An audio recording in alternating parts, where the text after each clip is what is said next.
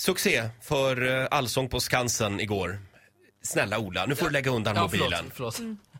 Vi, har, vi har släppt det där. Det lyckades inte. Nej. Eh, Carola var med i Allsången igår. Riktigt bra. Vad säger vi? Nej, men alltså, hon är ju ett proffs. Ja. Den här Ja, det är låten hon sjöng eh, har hon gjort tillsammans med Amadeus, va? sonen. Sin Ja, han har skrivit den. Mm. Ja. Coolt. Han är ju fotbollsspelare annars. Det är det han helst vill vara. Ja. Det här med musiken det är bara en hobby. Just det. Eh, Farao, vår Energy-kompis, han har ju en lite speciell relation till, till Carola kan man säga. Får man säga. Ja, han, han älskar henne och är lite rädd för henne samtidigt på något sätt. Det är en känsla som många har. Vi ska ta och höra hur det lät när eh, Farao var här och eh, ja, analyserade Carola. Jag tror inte att hon är elak, jag tror bara att hon är crazy, du vet. När hon kommer in på mitt jobb till exempel, då kommer hon in. Carola tar över hela, man märker, alltså det är hela så här. Men vissa har det där. ja det är jag, Carola. Du vet, det skapar en så här, kära värld liksom. Men sen är hon ganska lustig för att hon är väldigt knäpp liksom. Hon pratar lite som ett barn och så, säger, och så sist jag träffade henne så, här, så berättade hon för mig att hon var så överlycklig för hon hade skaffat sig en husbil. Och det är så praktiskt för då har hon ju alltid den där bilen och det är så bra när vi ska skjutsa Amadeus till träningen för då kan vi sova i bilen liksom. She's a true trailer girl. Liksom. Hon bor i den där bilen. Men det jobbiga med den här bilen är att den inte får plats i Åhléns Citys garage. För det har hon försökt några gånger. det ska gå! Men Carola är ju så här, det är ju också min guilty pleasure. För jag börjar ju varje morgon med att lyssna på, det finns en ljudinspelning där Carola uppträder på Livets Ord i Uppsala. Och det här är en hyllningslåt som är liksom fantastisk. Jag tror att vi kan lyssna på den. Vi, alltså, vi lyssnar på den först.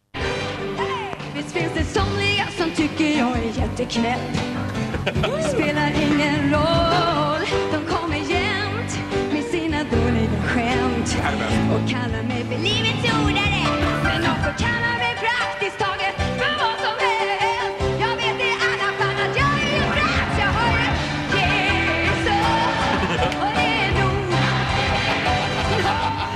Jag vet inte, det mest skrämmande är att du kan hela texten utan till. Och eh, Farao dansar med också till det här.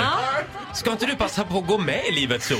Nej men de har ju lagt ner hela den här verksamheten. Har de? Han har hoppat ju av. Ja, men Livets Ord finns väl kvar? Ja, fast det Några blev knäppjökar lite, finns det där. Lite Men utarmat. det är som att Gud skulle hoppa av kristendomen och de bara, vi kör ändå. Alltså, alltså vi kör på känsla, vi har ju Ja, men så här börjar du varje dag alltså med den här låten. Ja, för jag blir precis på gott så...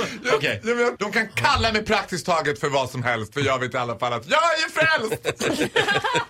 Ja, så här lät det för ett tag sedan när Farao var på besök. Mer Farao finns i vår YouTube-kanal. Vakna fan. Hur mycket som helst. Ja.